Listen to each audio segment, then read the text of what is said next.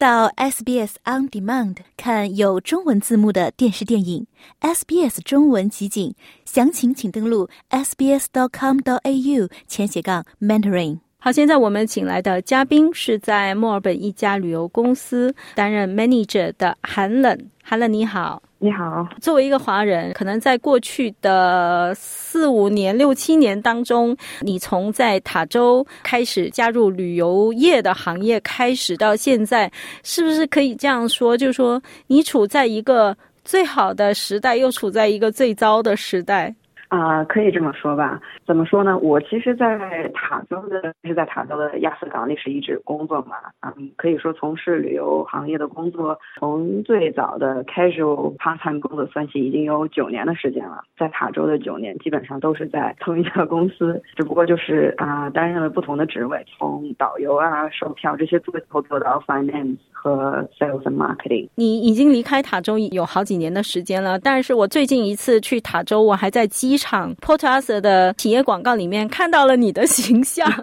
对对对，我其实是去年才离开塔州，也没有很多很很久，没有很久。对对对，去年。四月才离开了塔州啊，因为这个疫情的三年嘛，对旅游业的冲击确实蛮大的。但是我觉得对我个人来讲，或者说对 Port Arthur 来讲，很多的员工来讲吧，我们还算幸运的，因为它是属于塔州的 State Government 这样的一个呃 organization，所以当时在疫情期间，虽然很多的这个旅游行业、旅游产业，包括 attraction，可能都有一些就是啊在封城期间或者说 close down lockdown 期间，呃都有这个。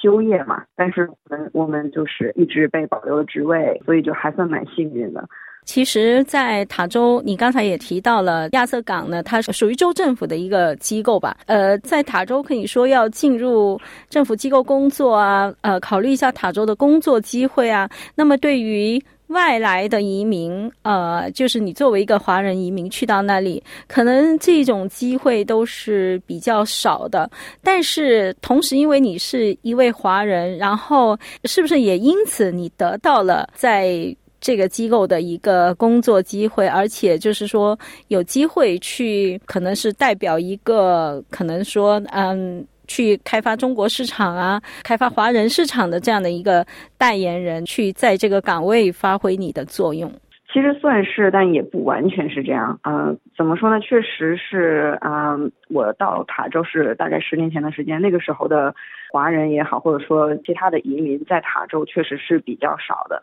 啊，很多的地方都是呃 local 的这个员工为主。刚开始进入到呃 p o l a s 也算比较幸运，当时是。可以说是第一次 p o l a s 有第一次这种扩展，就是华人业务开始啊进行普通话讲解的这个导游活动啊，还有还有一些啊比较大力推广这个呃或者说吸引华人游客的这样的一些促销措施、推广措施，所以它是集中的在塔大进行了一次这个针对留学生的这样的一次招聘。我最开始进入到亚瑟港做这个 casual 工作的时候呢，它是在塔大。然后专门针对留学生进行了这样的一次这个招聘，然后把他他的面试地点都是设置在了塔大的这个校园里边。嗯，所以我也是比较幸运啊，这样从就是最开始我的这样的一个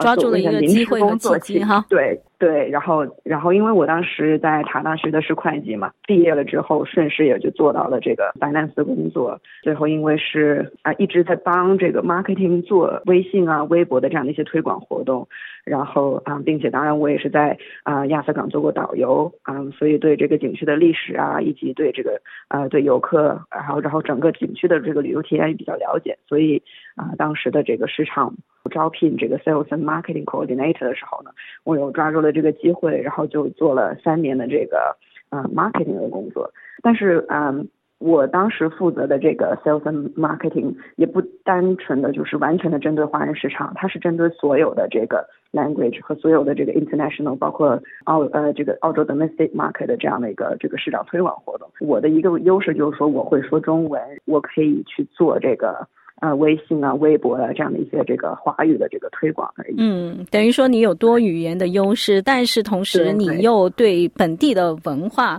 和本地的这个市场知识，你又是学习过，然后具备的，所以就是给 你打开了一条非常好的职业道路哈。对的，对的。在 Potas 的这几年，你有没有就是说特别重要的职业里程碑，或者说在工作的过程当中体会到一些特别特别重要的东西，或者你印象深刻的事情，可以跟我们大家来分享的呢？嗯，我觉得就是也不算是一些建议或者怎么样吧，但是我觉得比较重要的就是说要抓住机会吧，就是说。很多情况下，在澳洲的，就是在这个工作场合中呢，不是就是啊，not what you know but who you know，啊，就是经常多参与一些这种 networking 的这种活动啊，社交活动，啊，可以说在你这个社交活动中呢，你就很有可能去啊认识到一些啊在公司中就是说对你的职业发展有帮助的这样的一些人，在这样的一个过程中，可能就会嗯很好的把你的这个能力展现出来。当时。对我来讲，相对是比较怎么说呢？对我的这个最后进入到这个市场部的一个比较有帮助的活动，就是说，当时亚瑟港跟这个国内的敦煌是有这个姐妹这个呃历史遗址区，嗯。对景区，对，因为都是这个历史遗址保护区，然后它又同时发展这个旅游行业。当时刚好这个有敦煌莫高窟的工作人员到亚瑟港进行这个工作的访问和这个啊访问交流，嗯，所以那个时候呢，我又是。啊，当时的这个中文导游，所以当时这个景区，我们这个亚瑟港的经理吧，跟我说到这个问题，呃，可不可以帮忙接待呃这批这个来访贵宾？呃，我就很积极的参与到了这个接待的这个活动中。等于说，这本来不是你的工作范围的，但是你非常主动积极的去帮忙去参与了。对对对，帮着亚瑟港做了很多的这个整个行程的翻译的活动啊，包括陪同这些访问学者啊，包括这个敦煌的这些呃员工同事，然后一起进行这个景区的旅游，并且啊带他们嗯，在我就是不是工作的时间，也给他们一些其他的额外的这些帮助，所以可以说嗯对，之后我在亚瑟港最后又进入到这个 sales and marketing 的这样的一些工作啊，我觉得是一个比较有帮助的这样的一个。一个诶挺有意义的这样的一个小活动吧。去过亚瑟港的人都会觉得说，这个地方的保护做的特别的好。比如说，他有时候也会加进一些娱乐性的项目，比如说你去抽一个扑克牌，然后看一下你可能是哪一个。之前被关在里面的囚犯，呃，深度的体验一下这当中的故事，还有一些就是晚上的监狱之旅，就是带有点这个 鬼怪的、神秘的、探险的形式的这种旅程等等。就是你你在那里几年的过程当中，你觉得像就是历史文化保护地点，它在旅游开发方面，它所做的事情，包括它的开发以及它的保护，你觉得有没有什么就是说特别？值得借鉴的，呃，怎么说呢？就是，嗯，对于历史遗址来讲的话，嗯，亚瑟港的这个保护和修缮做的还是比较好的。针对就是吸引游客这个方面呢，做的就是说也是比较特殊的。就是说，我们当时有很多，呃，有专门的这样的一个部门，就是去专门去开发或者说设计这些这个呃游客的这个旅游体验，包括啊，亚瑟港近几年也重新。啊，设计了这个游客指南的这样的一个新的这个新版的这个游客指南。当然，从保护遗址的这个这个角度去考虑游客的这个分流啊，如果如果游客的呃进入了亚，同时进入到亚瑟港人太多的话，可能会对这一些，比如说。啊，树木啊，这个树根啊，这个植物的这个保护啊，啊，有一定的这个消极的影响。但是呢，它会根据就是游客的这个流量啊，和和采呃来访的这个时间段啊，然后对这个游客进行不同的分流。比如说，导游在讲解的过程中，可能会把不同的游客带到不同的这个方向啊，这样啊进行讲解。尤其是最近的一两年之内吧，啊，亚瑟港也有一些就是呃更新的这种旅游的这个体验。啊，它都是经过了慎重的考虑，就是说从啊历史遗址的保护角度出发，同样呢也是为了增加的这个游客的这个旅游体验的这个角度，就是啊很好的这结合在一起，然后然后才会推出这个新的这个旅游项目啊，或者说对。原有的这个项目进行改变了。呃，韩冷作为一位华人哈，我不知道你有没有发现，就是因为以前有一位导游跟我说过，说，哎，你为什么想要带你的朋友去亚瑟港旅游？他说，华人好像觉得对于这种监狱啊、鬼啊、什么鬼魂啊、冤魂啊什么这种，他们可能不太愿意去这样的地方旅游。那我不知道你在特别是针对华人地区的推广过程当中，有没有人跟你提出这样的问题，或者说？你 有没有感觉到这样的文化差异？啊，确实是有的。我们在做这个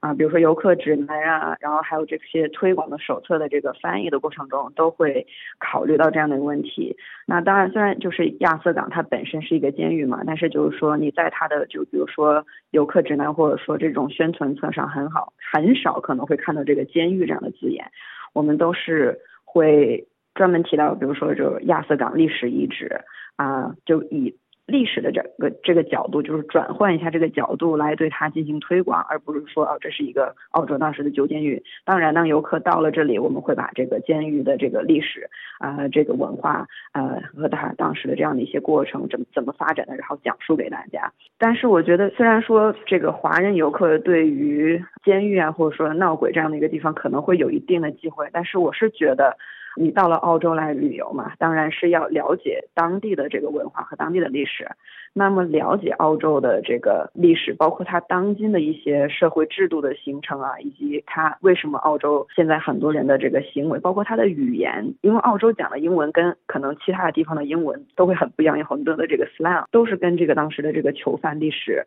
有一定的联系的。如果大家想真正的去体验澳洲的这个文化，去了解澳洲现在的社会风情啊，包括社会的一些这个习惯，为什么会是现在这样，可能还是对参观这个。亚瑟港历史一直有一定的这样的一个意义的，还是比较推荐去进行这个体验的。哈勒尼这么一说，让我觉得说，之前在塔州工作的这个经历，确实还跟一般的在澳洲的旅游从业者，特别是华人从业者有点不一样。因为其他地方可能更多的是会谈到澳洲的自然风景，还有好吃的东西，对吧？对 对对，嗯，对。那我现在的工作就是这样。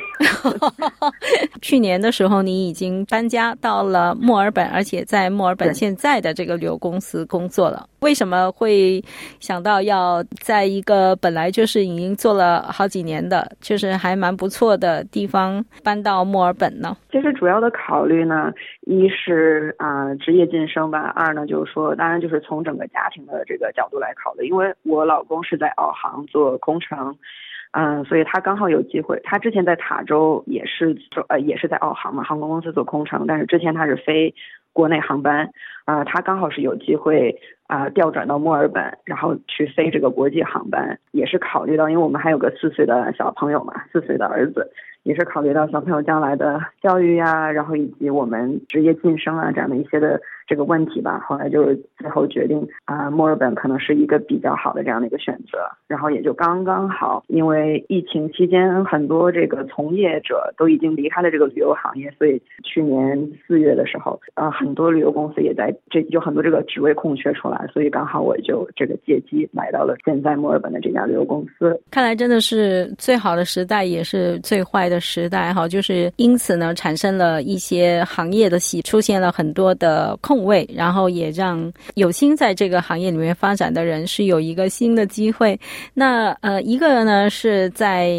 算是后疫情时代，然后旅游市场开始慢慢的复苏，然后你又搬到了一个新的地方，可能在职业的阶梯上你又往上升了一级，在这个墨尔本从事旅游业的感觉是怎么样的？可以说是跟塔州完全是不太一样的体验。因为首先塔州它是相对澳洲来讲是属于所谓的偏远地区，然后再加上亚瑟港历史遗址，它是非常 unique、非常独特的这样的一个景区，基本上它在这个领域上可以说是比较垄断的这样的一个地位。有点像酒香不怕巷子深的 那种感觉。对对对对，所以说当时啊，在亚瑟港的这个呃工作的这个方式啊，包括去对它这个呃价格定位啊，然后推广和我现在所做的这种推广的方式。可能都会完全不一样，包括，因为我们现在的公司主要是做这个 day two，。我现在的公司呢，它啊是从二零一二年就开始已经啊就是呃发展起来的。但是最初呢，这个经营模式它是以这种 online travel agent 的这个方式在运营的，就是说网上的一日游，对网络的这个平台，然后去预定全澳其他各个州的这样的一日游啊，或者是几日游的这样的这种行程的。那么也是因为疫情这这样的一个影响嘛，我们的老板。呢就有这样的一个想法，就是说要俗话说就是不能把所有的鸡蛋放在同一个篮子里嘛，所以就考虑到了怎么样去开展不同的这个业务，怎么样去把这个呃收益进行这个多元化。我们老板呢就是说在前几年啊收购了一一些巴士啊，然后。租了自己的这个 depot，就是说这个呃巴士停车场，开始做自己的这样的一个一日游的这个活动。嗯，就是从一个网络平台转型为一个实体的公司了。对对对对，变成了一个就是说我们自己也做这个旅游运营公司，就不仅仅是预定其他的 operator 的这些产品，就是说我们自己也来。实操这些呃旅游产品，有自己的导游和自己的巴士，就那感觉这种的策略调整，市场压力也会挺大。然后对于员工的要求，特别是你作为一个市场推广的 manager 的要求也会更高。就是这种挑战，这种回到丛林当中的感觉，是不是更加的强烈？是。对，确实是这样。因为墨尔本跟塔斯马尼亚不一样嘛，塔斯马尼亚基本上就是说做这种独特的高端的这样的一些产品，因为它的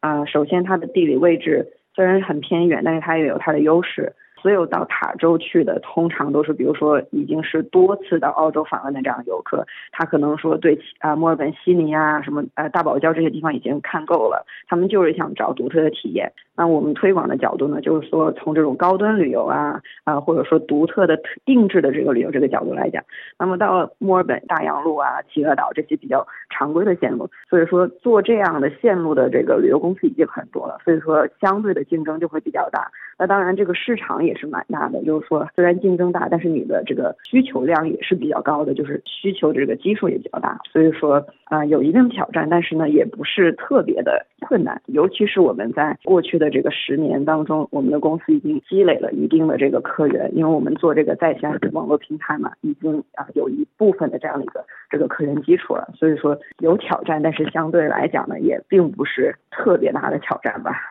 嗯，你去的时候正好是一个后疫情时代，可能旅游市场呢有一个反弹，但是与此同时呢，这个竞争呢也是相对比较激烈，而且国际边界的开放啊，还有就是其他游客重返国外旅游市场的这个信心啊，可能也有受到一定的冲击。所以你会在这么一个特殊的时期，就是重新进入这样的一个行业，有没有什么特别的感受啊？嗯，怎么说呢？就是说后疫情时代的这个旅游市场，可以说就是压力与挑战，就是机遇与挑战是并存的，应该这样说。很多旅行公司啊，包括这个车公司啊，这样的这个旅游的这个运营商，他是在这个疫情期间呢，很遗憾的就是这个被疫情这个给淘汰掉了。所以呢，其实这个市场还是有这个空缺的，就是说。可能之前整个这个市场已经很饱和了，但是呢，因为经过疫情，很多这个运营商没有没有熬过来，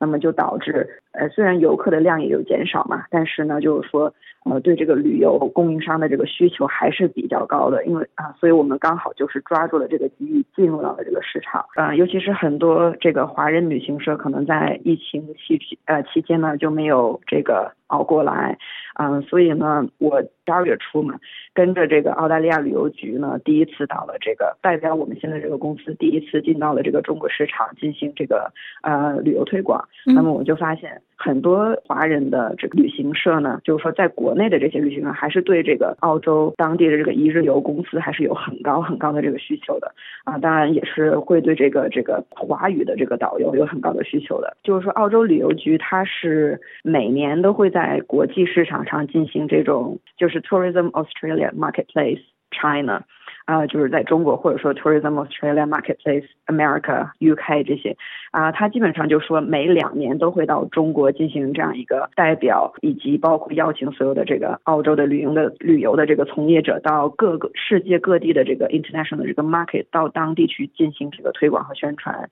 在中国的这个推广，呃，或者说这个广交会、洽谈会，它是每两年进行一次。那刚好去年就是又在中国，也可以说是疫情之后又第一次回到了这个中国市场进行这个推广。我们当时就是说抓住了这个机会嘛，因为啊，我们作为这个呃 tour operator 旅游旅游运营商来讲的话呢，我们也是第一司进入到这个中国市场。那有没有觉得中国的这个市场还是非常庞大，还是说，呃，中国的经济多少受到一些影响之后，可能会打击到你们对于中国市场的一个预期呢？现场的成果怎么样？其实我接到的一些反馈呢，就是说，嗯，当然这是整整体的这个疫情之后的一些呃整体澳洲旅游业的一些变化吧。疫情之前呢，就是澳洲的旅游因为做的已经是相当成熟的，相当成熟，而且已经就是呃需求量呃包括它的这个市场饱和度也比较高，所以说它的这个成本可能已经被压到很低。那么由于受到这个疫情的影响，突然之间它就出现了这样的一个价格反弹，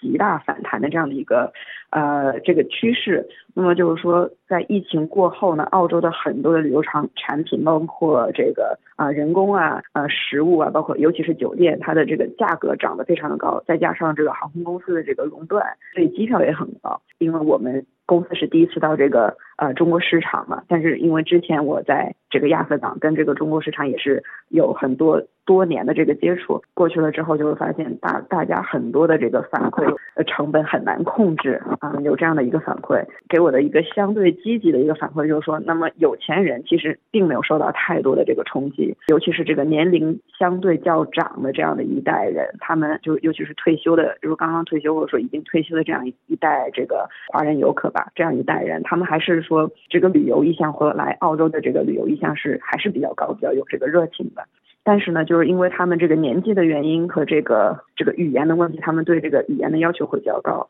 所以这也是我这次去中国给我们公司所带来的这样的一个反馈，就是说，如果我们想进入中国市场的话，我们可能就会要考虑啊，也是去开发一些，比如说中文的这个思考服务啊，或者说多印一些这种中文的讲解的这种啊宣传册呀，或者是这样的这个中文导览的这样的一些，多提供这样的一些服务。那么对我们公司来讲呢，去增加这样的一些服务也是完全没有问题的。像中国的旅行社方面有没有提出一些，比如说来澳洲旅游签证的困惑，或者说期望？因为呃，好像在过去几年是有听说自己想要来澳洲持旅游签证过来的话，这个拒签率呢是很高。不知道就是说这有没有相应也是影响到旅行社的这个业务方面？嗯，确实是有这样的问题。我们这次去不仅仅是中国，呃，包括去年去参加这个 ATE，就是 Australia Tourism Exchange，啊，就是澳洲旅游局每年都会在澳洲进行的